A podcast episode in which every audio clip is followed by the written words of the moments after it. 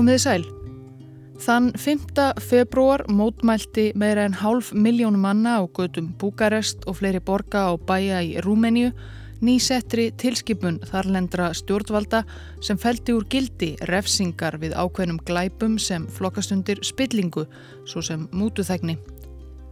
Tilskipunin var að lókum dregin tilbaka en mótmælin heldu enguða síður áfram en það óunæja rúmensks almennings með spillingu í stjórnkefinu mikil. Spilling hefur verið alvarlegt vandamáli í Rúmeníu áratugum saman og lítið skánað á síðustu árum þó svo að ríkið hafi nú ekki bara losnað úr viðjum kommunismans heldur gengið í Evrópusambandið með öllu tilherandi. En þetta tekur auðvitað allt tíma. Það eru færri en þrýr áratugir síðan kommunistastjórnin var kvött.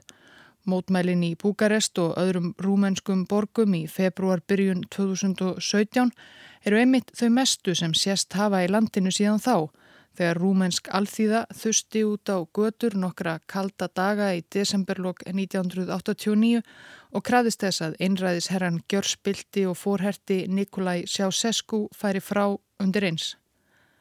Þeim varðalokum að ósksinni en rúmenska þjóðin þurftir endar að gjalda frelsið dýrara verði en flestar aðrar þjóðir austur og mið-Evrópu sem risu upp á þessum tíma um 1989. Meira en þúsund mótmælendur fjallu og blóðið rann eftir gödum Búkarest.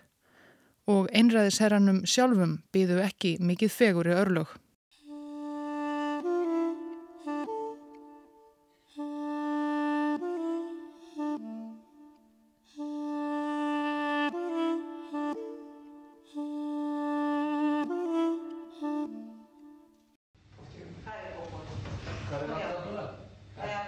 Herbergi sem einna helst líkist drungalegri skólastofu, brúnir veggir, brún borð, brúnir stólar, sitja hjónum sjötugt hlið við hlið.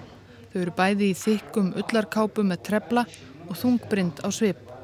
Konan hallar undir flatt, maðurinn trommar óþólumóður á borðið fyrir framann þau. Það er ekki löst við að maður gæti vorkend þeim örlítið. Þetta er eitthvað svo trist sjón, auðmingja gömluhjónin í þessu sorglega umhverfi. Það er að segja ef maður vissi ekki að gamli maðurinn í svörtu ullarkápunni er allræmdur einræðisherra sem áratugum saman kúaði og arðrændi þjóð sína og konan við hlið hans í brútni kápu, eigin konan sem alltaf tóku virkan þátt í glæpumans, Nikolai Ceausescu, fórseti Rúmeníu og fórsetafrúin Elena.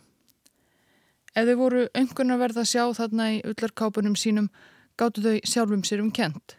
Þau höfðu við tekin höndum af hermönum þegar þau reyndu að flýja eftir að rúmenskur almenningur reysloks upp gegn þeim. Hermönum sem eitt sinn höfðu svarið þeim hotlustu eið en höfðu nú snúið baki við þeim eins og flestir aðrir þegnar þeirra höfðu þá gert. Þetta var 25. desember 1989.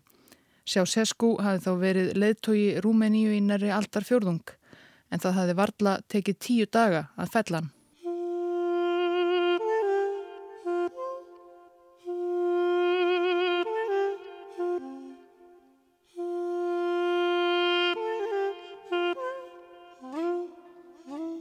15. desember 1989 sapnaðist hópur fólks saman fyrir utan heimili Laszlo Tókes, prests í ungversku kirkjunni í Tími Svara, þriðju fjölmunustu borg Rúmeníu og helstu borgarinnar í vesturluta landsins.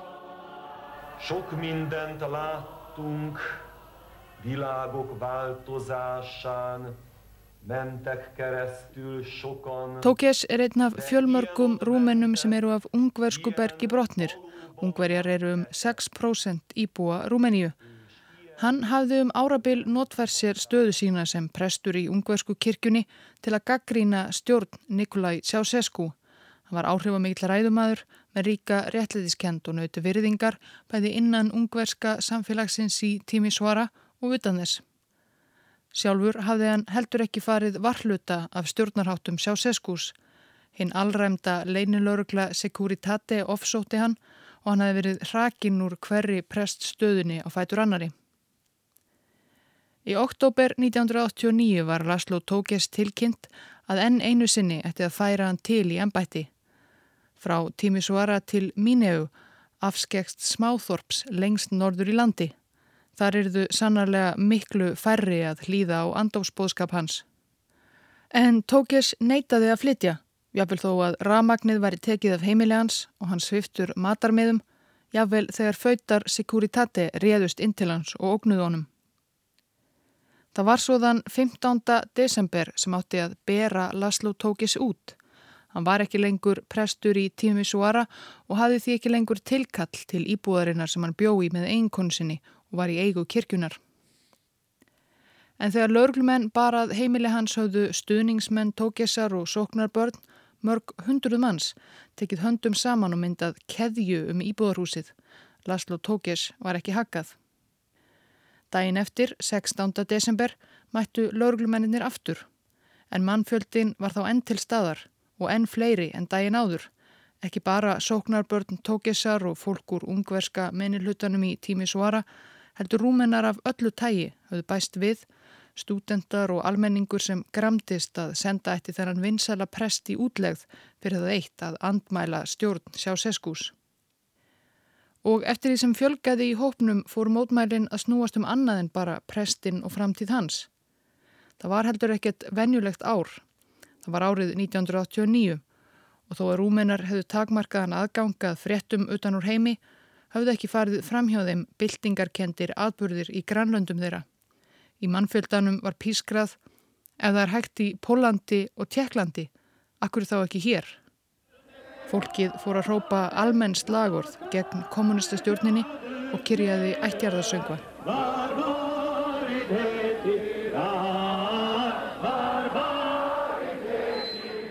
Það leið ekki á lungu þar til rittaraliðið var kallað út til að kveða niður mótmælinn. Svartklættir löglumenn með kvíta hjálma, gráir fyrir hjárnum. Þeir byrjuði á því að beita táragasi og spröyta vatni á mótmælenduna. Það dugði til að tvístra þeim um sinn yfir nóttina. En morgunin eftir, 17. desember, þá komuð þeir aftur út á götur þriðja daginn í röð. Þá var þetta lungu hætt að snúast um einhvern prest sem átti að bera út af heimilisínu. Mótmælendunir brutust inn í ofinberra byggingar, gengu berseskangum skrifstofur kommunistaflokksins, rifu rítverk Nikolai Sjásesku niður úr bókahellunum og tættu þau. Í meira en 500 km fjarlægð söður í Búkarest fyldist tjeður Sjásesku einmitt náið með ástandinu í tími svara. Það var ekki á hverjum degi sem óerðir brutust út í Rúmeníu. Mótmæli gegn honum í hans Rúmeníu Sjá Sesku kunni þessum fregnum afskaplega ítla. Enda ákvaðan að siga hernum á óerðasekkina. Um kvöldið 17. desember voru skriðdrekar komnir á götur tími svara og herrmenn fóru að skjóta á mótmælenduna sem voru þá orðnir mjög fjölmennir og dreifðir út um alla borgina. Það er óvíst hversu margir fjallu í þessari fyrstu árás Nikolai Sjásesku gegn eigin þjóð, nokkrir töyir að minnstakosti en þrátt fyrir blóðsúthellingarnar heldu mótmælendur ótröðir áfram næstu daga og rúmenska byltingin var hafinn.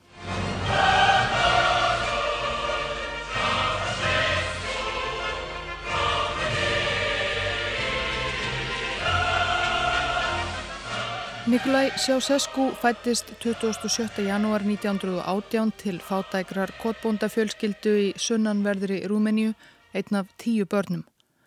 Árin sem Nikolai Littli var að vaksa úr grasi var Rúmenía konungsríki sem glýmdi við erfið efnahagsvandamál og fasistar og þjóðernissinnar voru sífælt meira að kveða sér hljóðus. Enda átti Rúmenía eftir að berjast við hlið þjóðverja í setni heimstyrjöld. En á árunum fyrir stríð á fjórða áratugnum var það kommunismin sem heitlaði hinn unga Nikolai sem yfirgaf tæplega 13 ára gamal heimahagana og gerðist skósmíðasveit í höfuborginni Búkarest.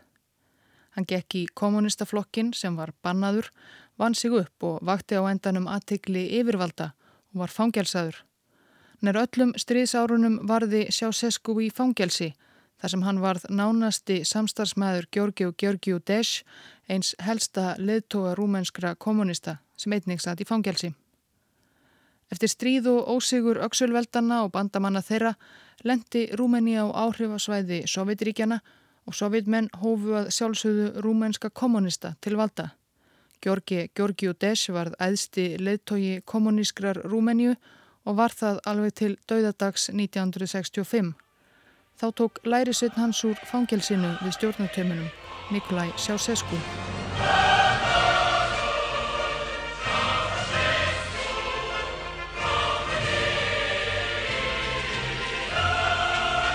Eitt af fyrsta sem Nikolai Sjásesku gerði eftir að hann losnaði úr fangelsinu þar sem hann hafi dúsað öll stríðsárin var að giftast ástinni sinni, henni Elenu. Því Nikolai og Elena hafðu kynst og felt hugið saman áður en Nikolai fór í fangelsi. Það fer reyndar tvennum sögum af því hvernig þau kynntust. Óbynbera frásögnin í Rúmeníu var lengi að þau hafðu kynst í kröfugöngu og fyrsta mæ. Tveir ungir kommunistar fullir af eldmóði og baráttu anda. Sagan segir líka að Elena hafi verið fætt í janúar 1919 í Sveitaþorpi í norðvestur hluta Rúmeníu. Þar hafi hún verið góður námsmaður en vegna bugandi fátæktar fjölskyldu hennar hafi hún neyðst til að flytja aðeins tíu ára gömul til Búkarest og vinna fyrir sér. Á táningsaldri gekk hún svo í kommunistaflokkin þar sem hún skaraði fljótt fram úr og kynntist honum Nikolai. Það stennst ekki allt í þessari sögu. Elena sem síðar fekk eftirnafnið Sjá Sesku var þannig aldrei sérstaklega góður námsmaður. Henni gekk ítla í flestum fögum nema handavinnu. En síður var hún fætt 1919. Hún var í raun tveimur árum eldri, fætt 1917. En þegar Nikolai Sjásesku varð aðsti leittói í Rúmenju þótti ekki við hæfi að hann væri giftur sér eldri konu. Svo að fæðingarvottorði Elenu var snarlega breytt og hún gerð árinu yngri en einmaðurinn. Slíkar legar og prettir enkendu valdatíð Sjásesku hjónana. Það fór til að mynda lítið fyrir Elenu fyrstu árin eftir valdatöku kommunista í Rúmeníu þegar maðurinn hennar var hægri hönd leðtóhans Georgiu Georgiu Desch, ráþerra og fleira. En þegar Nikolai varð sjálfur leðtói spratt Elena skindilega fram á sjónursviðið, ekki aðeins sem formansfrú, heldur einnig, og þetta var öllu óvendara, sem efnafræðingur. Elena Sjásesku, sem aldrei hafði lókið grunnskólanámi, var skindilega komin með doktorskráðu í efnafræði frá háskólunum í Búkarest án þess að hafa sérst þar oft innandira. Síðan fóru að byrtast greinar um flókna fjölliða efnafræði í vísindarítum í hennar nafni og svo var hún orðin formaður rúmensku vísindaakademíunar. Aðrir efnafræðingar við Búkarest háskóla fyrðuðu sig á þessu sem og gjörvalt rúmenska vísindasamfélagið þegar á leið. En þó ekki upphátt því það varð fljótt ljóst eftir að Nikolai Sjásesku tók við völdum að þar fór maður sem var ekki sérlega hrifin af gaggríni og sig og sína.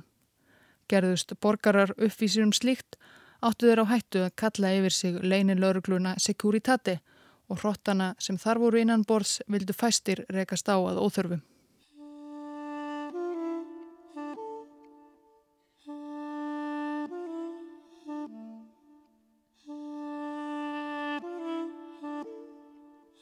Reyndar var lengi talið að Nikolai Sjásesku væri ágætur, svona á mælikvarða einræðisherra í kommunistaríkjum Östur-Evrópu. Hann var að minnstakosti umart óvenjulegur framan af á valdatíðsinni. Fyrstu misserinn eftir að hann tókuði völdum virkaði hann frekar frjálsindur.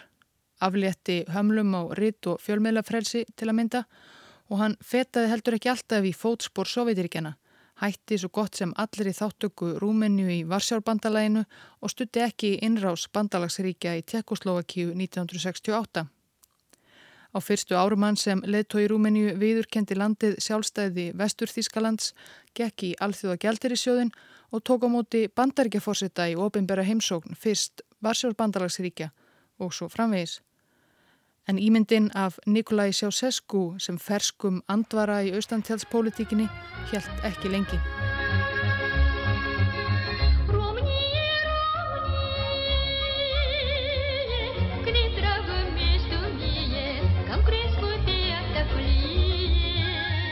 Árið 1971 fóru Sjásesku hjónin í ofinbæra heimsókn til Östur Asju þar á meðal Kína og Norður Kóru.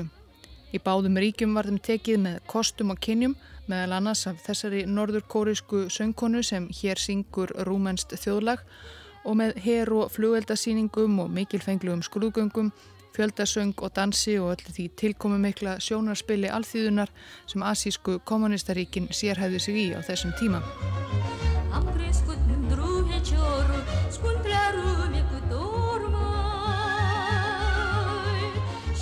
Ceausescu var heitlaður af öllu sem fyrir augu bar. Hvernig Mao í Kína og Kim Il-sung í Norður Kóru virtist hafa tekið að gera ríki sínað stórveldum á alþjóða vettvangi þessari sérstöku blöndu þeirra af kommunisma og þjóðarniskent og ekki síst hvernig almenningur dyrkaði þá og dáði leittógana sem guðir væru. Um leið og sjá Sesku kom heim hófst hann handa við að byggja upp sambærilegt kerfi í Rúmeníu og hann hafði séð þar eistra. Norður kóreisk og kínverski rétt voru þýtt á rúmensku, öll áróður starfsemi ríkisins var eld til muna og þar á meðal personu dyrkuninn í kringum sjá Sesku sjálfan. Hann var leðtógin og snillingurinn og amælistagurinn hans var gerður að mesta háttíðistegi rúmensku þjóðarinnar. Eftirlit ríkisins með borgurum var sömur leiðis elft til muna til að tryggja að allir gengju alltaf í takt.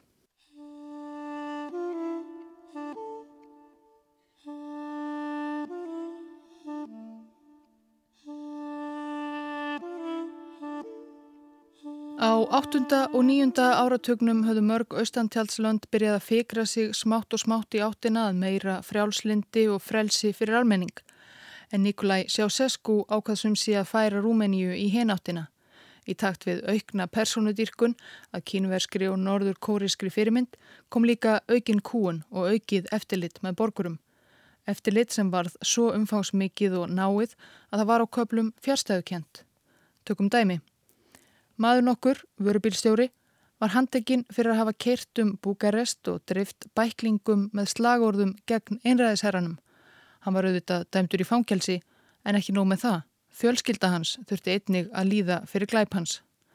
Útsendarar leinilögurglunar Securitate komu fyrir hljóðnemum á heimili hans og voru ekkit að fara í felur með það og fylgdu svo konu hans og börnum eftir í hvert fótmál.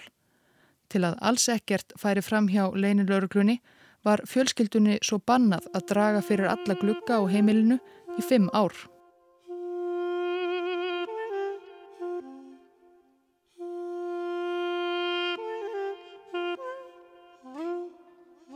Undir lok áttunda áratugurins var efnahagur Rúmeníu líka komin á vonar völ. Landið var stór skuldugt eftir misvitrar fjárfestingar sjá sesku á uppgangsárum í byrjun áratugurins. Þarna var orðið hardara í ári og ekki útlitt fyrir að Rúmeníu gæti staðið í skilum. Sjá sesku þurfti loks að býta í það súra eppli að leita til sjálfura stórkapitalistana alþjóða gjaldir í sjóðsins og laðist jáfnframt í umfánsmiklar nýðurskurðar og aðhalsaðgerðir sem þýttu lítið annað en að rúmenskur almenningur fekk að borga brúsan. Stjórn Sjáseskus stór hækkaði verð á helstu nöðsinjum, matvöru, eldsneiti, ramagni, almenningssamgöngum, eldi við, fatnaði, ég er raun flestu, um 20%. Um leið voru laun lækuð, verðbólka jógst og svarti markaðurinn blómstræði í staðin.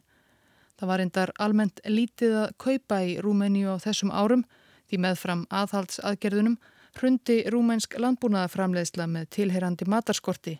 Það litla sem kom upp úr moldinni var flutt út til að borga upp skuldinnar. Ríkis fjölmiðlar kvöttu fólk í sveitum til að fara að ferða sinna á hestum frekarinn bílum til að spara eldsneiðisbyrðir. Trekk í trekk var lokað fyrir ramagn og hitaveitu í spartnaðaskinni svo að fólk var bara býta á jakslinn og reyna að þreja kaldan rúmenskan veturinn. Fjölmörgir þóldu hann reyndar alls ekki og dóu úr kulda á heimilum sínum. Skorið var rækilega niður í húsnæðismálum, menta og helbriðiskerfi. Niður skurðurinn í helbriðiskerfinu varð sérstaklega hryllilegur. Dánartíðinni ungbarna raug upp og alnæmisfaraldur braust út á rúmenskum sjúkrahúsum. En aðgerðirnar báru fljótt árangur. Rúmenska ríkið sparaði stórfið sem fór beinti að borga upp skuldirnar. Í byrjun árs 1989 hafði Rúmenía borgað upp allar erlendar skuldir að minnstakosti 10 miljardar dollara og það á undan áætlun alþjóða gældir í sjósins. Ekki var þó horfið frá aðhalsaðgerðunum. Þær voru enni gildi í desember þetta sama ár og þá var rúmenskur almenningur laungubúin að fá sig full satan af hungri, kulda, sjúkdómum og dauða.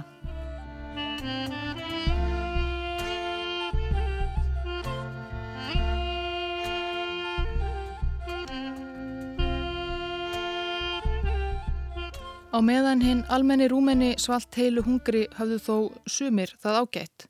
Til dæmis Nikolai og Elena Sjácescu. Já, þau höfðu það líklega meira en ágætt. Sjácescu fjölskyldan, Nikolai og Elena og börnin þeirra þrjú lifðu í fáránlegum velistingum með við hinn almenna borgara. Innflutt matvæli af fínustu sort, dýr vín, glitrandi, kristalsljósakrónur, sportbílar, hallir og villur, stöðugar veislur fyrir innsta ringin og svo framvegis. Myndaalbúm sjá Sesku fjölskyldunar fundust eftir að Nikolai röklaðist frá. Það er gæt meðal annars að líta fjölda ljósmynda af veisluborðum fjölskyldunar. Nikolai og Elena í sínu fínasta pussi skelli hlæjandi við borð sem svignuðu undan þeim fjölda allskonar kræsinga sem áður var hlaðið. Myndir teknarum svipaleiti og Rúmenía var orðið eitt fátakasta landið í Evrópu og flestir rúmennar vörðu mestum frítíma sínum í byðröð til að fá útlutað örfáum bröðmólum. Nikolai Sjácescu verðist ekki hafa haft miklar áhyggjur af uppreysninni í tími Suara því skömmu eftir að hann skipaði hernum að hveða hana nýður um valdi þá fór hann upp í flúvel í ofinbera heimsókn til Írans. Rúmenskir sagfræðingar hafa síðan velti vöngum yfir því hversvegna í óskupunum Sjácescu ákvaða að fara ár landi á svo tví sínum tímum. En kannski er ástæðan einfallega að sjá Sesku hafði engar áhyggjur af eigin stöðu en það var hann að öllum líkindum laungu hættur að vera í nokkrum tengslum við rúmenskan almenning eða raunvuruleikan hvað það var þar. Þó svo að rúmenskir ríkisfjölmiðlar segðu að sjálfsögðu ekki frá atburðunum í tími svara voru fregnir af þeim farnir að beirast um landið. Það var einhver neisti kviknaður eða er hægt í Pólandi og Tjekklandi, akkur þá ekki hér í Rúmeníu pískraði fólk. Sjácescu kom heim frá fundi sínum með Rafsanjani Íransforsetta í Teheran kvöldið 20. desember. Þá logaði tími svara enni óerðum og átökum mótmælenda og hermana. Næsta morgun, 21. desember, steig Sjácescu út á svalir höfuðstöðvar miðstjórnar rúmenska kommunistaflokksins í Búkarest og horði yfir svo kallað Hallartorg þar sem fyrir voru 2000 manna sem fögnuðu fórsetanum, veifuðu rauðum fánum og heldu uppi stórum myndum af honum og elenu. Það var venjulegur 50. morgun og flestir í mannfyldanum voru verkamenn sem höfðu fengið þá fyrirskipun að mæta á þessum tíma á Hallartorkið eða að verða reknir eða þaðan að verra. Til að bæta enni mannfyldan sem átti að hafa sapnast þarna saman til að hlýða á orð hins mikla leðtúa voru einhverjir vegfærendur í nákrenninu pikkaðir upp og þeim sagt að gjöra svo vel að mæta á torkið því snarasta, annars mættu þið bara vara sig. Mannfjöldin klappaði í takt þegar sjá Sesku byrtist á svölunum og veifaði vafin í svarta ullarfrakkan sinn með svarta ullarhúfu og hafði. Við hliðans stóð Elena og svölunum til viðbútar fjöldi annara Karla valda mikilla kommunista sem allir voru í svipuðum svörtum ullarfrokkum með svipaðar svartar ullarhúfur. Dragi tovarăși și prieteni, cetățeni ai capitalii României socialiste. Kæru félagar, kæru vinir, kæru borgarbúar í höfuðborg sósjálíska liðveldisins Rúmeníu. Sjásesku hóf málsitt á sinn hefðbundna hástemda og einstrengingslega kommuníska hátt og þakkaði þeim sem höfðu skipulagt þennan mikilfenglega fjöldafund alþýðunar.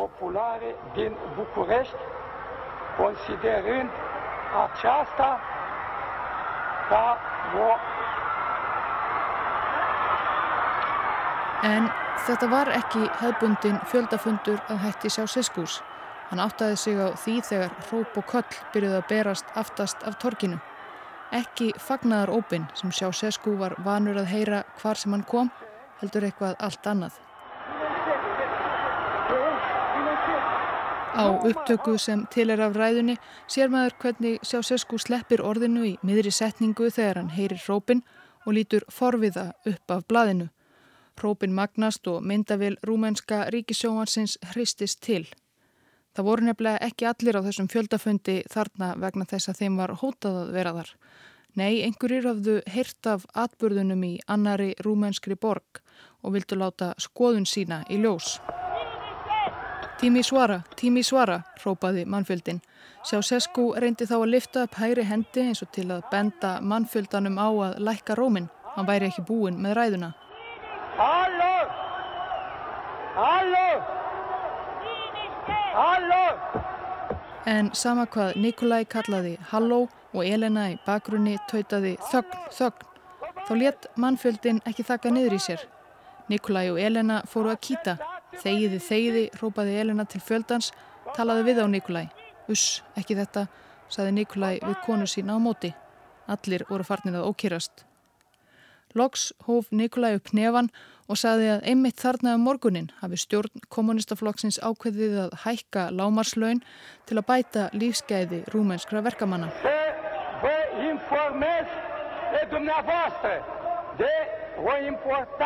Ræðan var síndi í beitni útsendingu í sjónvarpi og það fór ekki fram hjá þeim sem áhorðu og það var eitthvað mikið á seiði. Borgarbúar í Búkarest slögtu á sjónvarpunum, fór út og tóku stefnuna á Hallartorkið en það var á lokum klift á beinu útsendinguna. Stimați telespectatori, am transmis direct din Piața Republicii Marea Adunare Populară a Oamenilor Muncii din Capitală.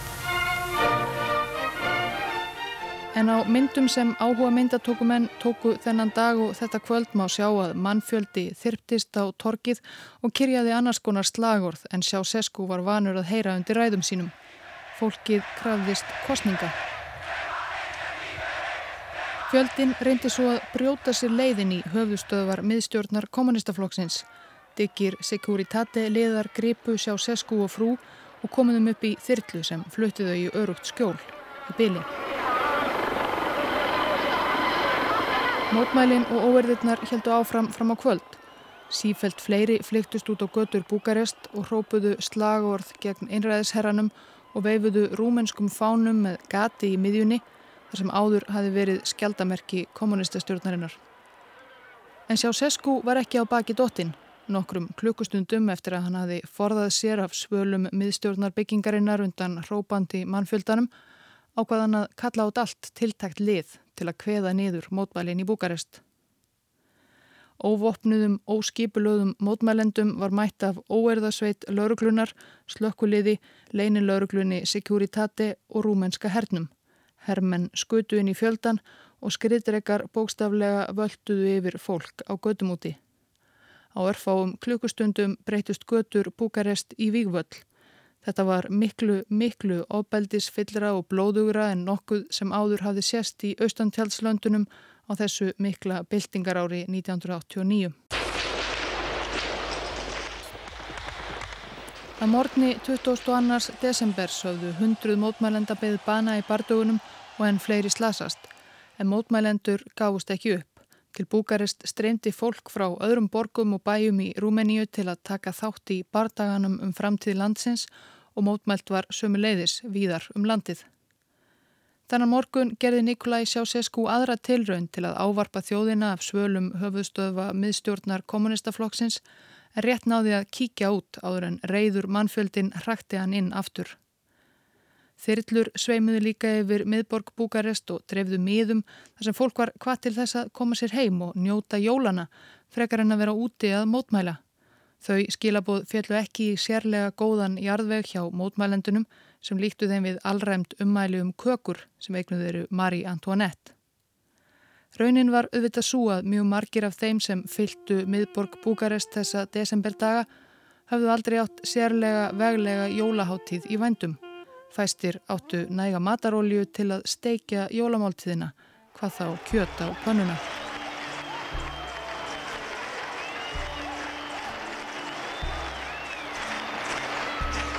Áætlað er að um 1000 manns hafi látið lífið á örfáum dögum rúmensku byltingarinnar í desember 1989.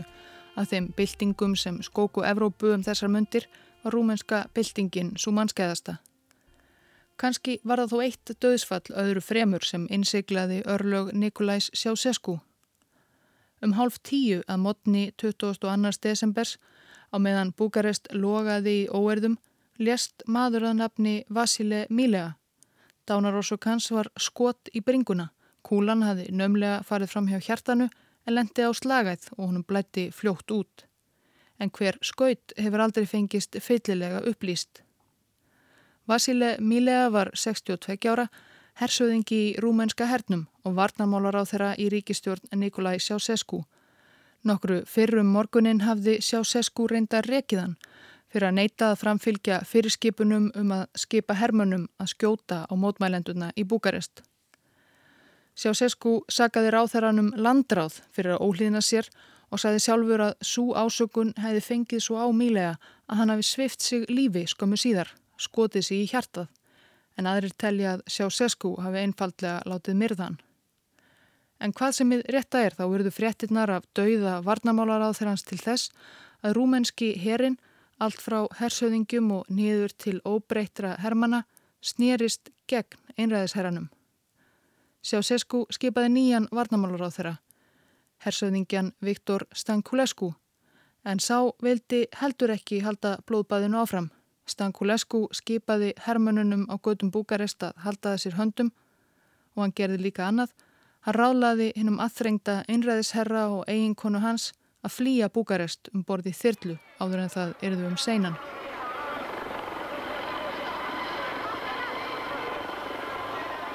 Eginlega á sama augnabliki og þyrlan með sjá sesku hjónin hóf sig á loft réðust mótmælendur inn í höfðustöðvar rúmænska kommunistaflokksins í Búkarest og tóku þær í sínar hendur.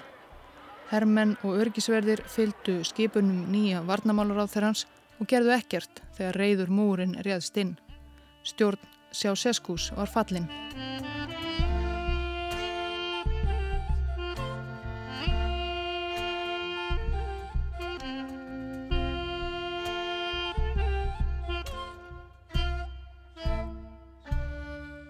Tómarúmið eftir Nikolai Sjáseskú varði ekki lengi. Eins og fyrir segir hafði einræðisherran orðið forhertari, spiltari og veruleika fyrtari eftir því sem leið á valdatíð hans. Þetta hafði ekki farið fram hjá samverkamönnum hans í rúmenska kommunistafloknum og rúmenska hernum. Valdamiklir menn bæði í floknum og hernum voruð öllum líkindum þegar byrjaðir að plotta um það að losa sig við sjá sesku þegar byltingin braust skindilega út. Allavega farnir að leggja á ráðunum það hvað tæki við þegar Nikolai, sem var í orðin 70, niti ekki lengur við. Félagskapur sem kallaði sig Þjóðarráðið tók við stjórninni eftir að sjá Sesko röklaðist upp í þyrluna sína. Þar í broti fylkingar var Íon nokkur Iliescu sem átti langan ferilað baki í rúmænska kommunistafloknum, hafi settið í miðstjórn hans en lent upp á kant við sjá Sesku. Svipaðar sögur var að segja um marga aðra liðsmenn ráðsins. Þjóðaráðið myndaði bráðabyrða stjórn og átti síðar eftir að búa til fyrstu frjálsu kostninga í Rúmeníu í meira en hálfa öll. Það er kostningar í mæ 1990, sigraði þjóðaráðið og Iliescu varð eftirmaður sjá Seskús á forsettastóli, líðræðislega kjörinn þó. En aftur til desembers 1989. Eitt af allra fyrstu verkum þjóðaráðsins var að skipa herrdómstól.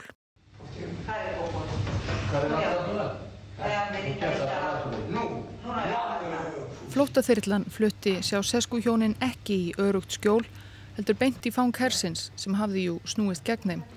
Gömlu hjónin voru tekin höndum og þremur dögum síðar, þann 25. desember, jóladag, voru þau leitt fyrir herrdómstól. Það voru þessi réttarhöld sem fóru fram í brúnleita herberginu sem vísa var til í upphafi þáttarins þar sem sjá sesku hjónin sátt út í hortni þungbrind í öllarkápunum sínum innan um enginniskleita herfóringja og vopnaða verði. Þau voru sökuðum margvíslega glæpi gegn rúmensku þjóðinni meðal annars það sem sagt var vera þjóðarmorð á mótmælendum í tími svara. Fjöldi látina í mótmælunum bæði í tími svara og Búkarest var íktur mikið. Í réttarhaldunum sem voru tekin upp á myndband og síðar síndi í sjónvarpi í Rúmeníu um heimallan var talað um 2000 látina sem ekki stennst skoðun. Það var svo sem mikil ringulreið þarna fyrstu dagana eftir byltinguna en þetta voru líka algjör síndaréttarhald. Dómurinn yfir sjá seskuhjónunum var á nefa þegar ákveðin. Ég viður kenni einungis rúmenska þingið. Ég ávarpa einungis það. Rétt eins og hann neytar því að ræða við þjóðina. Þá neytar hann að tala við okkur. Hann er alltaf haldið fram að hann tali fyrir þjóðina, að hann sé dáður sonur alþýðunar, en það eina sem hann hefur gert er að kúa hann. Í dag réttu við yfir Nikolai Sjásesku og Elenu Sjásesku sem söguð eru um eftirfarandi glæpi. þjóðarmorð samkvæmt 350. og 70. grein hegningalega. 2. Vopnaða árás gegn valdstjórninni samkvæmt 163. grein hegningalega. 3. Eðileggingu ofinbæra bygginga og stopnana samkvæmt 160. grein hegningalega. Skiljið þið þessar sagir? Ég svara engu. Glimdu þessu, Nikolai. Það þýðir ekkert að tala við þetta fólk.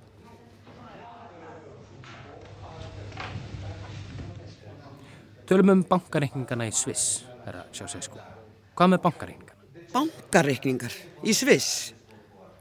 Komdu með sannanir. Við áttum enga reikninga í Sviss. Þetta sýnir enn og aftur hversu rángar þessar sakir eru. Kvílíku róburður. Þetta er valdarán. Elena, þú hefur alltaf verið greindari, en það ertu vísindamæður. Hvað veist þú um þjóðamorðið í tími og svara? Hvaða þjóðarmorð? Ég svara ekki fleiri spurningum. Vissir þú af þjóðarmorðinu eða hugsaði þú sem efnafræðingur einungis um fjölliður? Greinarnar hennar voru byrtar í erlendum vísindarítum. Og hver skrifaði þessa greinar fyrir Elena? Hvílík ósvipni. Ég er formaður vísinda akademiðinnar. Svona talar þú ekki við mig. Og með svona karpi heldur réttarhöldin áfram í um það byll klukkustund. Loks var kveðin upp dómur yfir gömlu hjónunum í öllarkápunum. Þau voru bæði dæmt til dauða. Ceaușescu Nicolae și Ceaușescu Elena la pedeapsa capitală și confiscarea totală. Vopnaðir hermenn gripu Sjásesko hjónin og bundu hendurnar á þeim saman.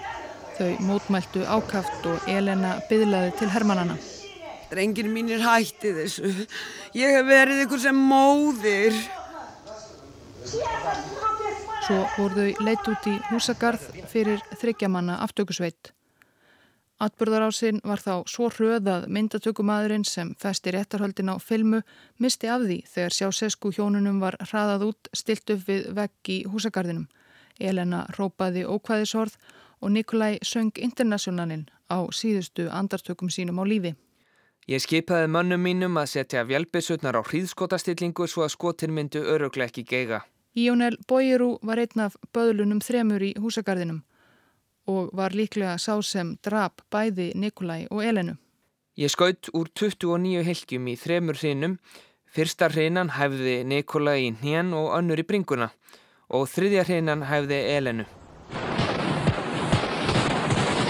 Þegar myndatökumadurinn hafði loks komið sér fyrir lágu Nikolai og Elena Sjásesko þegar öreind á jörðinni og síðustu skotin ómöðu um húsagarðin. Hættið að skjóta, skipaði herfóringin svo. Hann fekk það sem hann átti skilið, það finnst mér enn.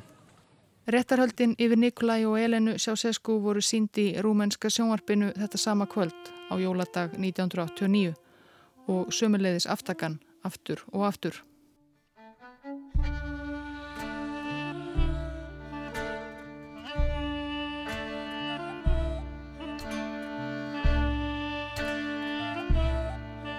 Það eru liðin næri því 30 ár frá því að rúmenskur almenningur reys upp gegn kommunistastjórninni og sjá sesku hjónin dró andan í síðasta sinn.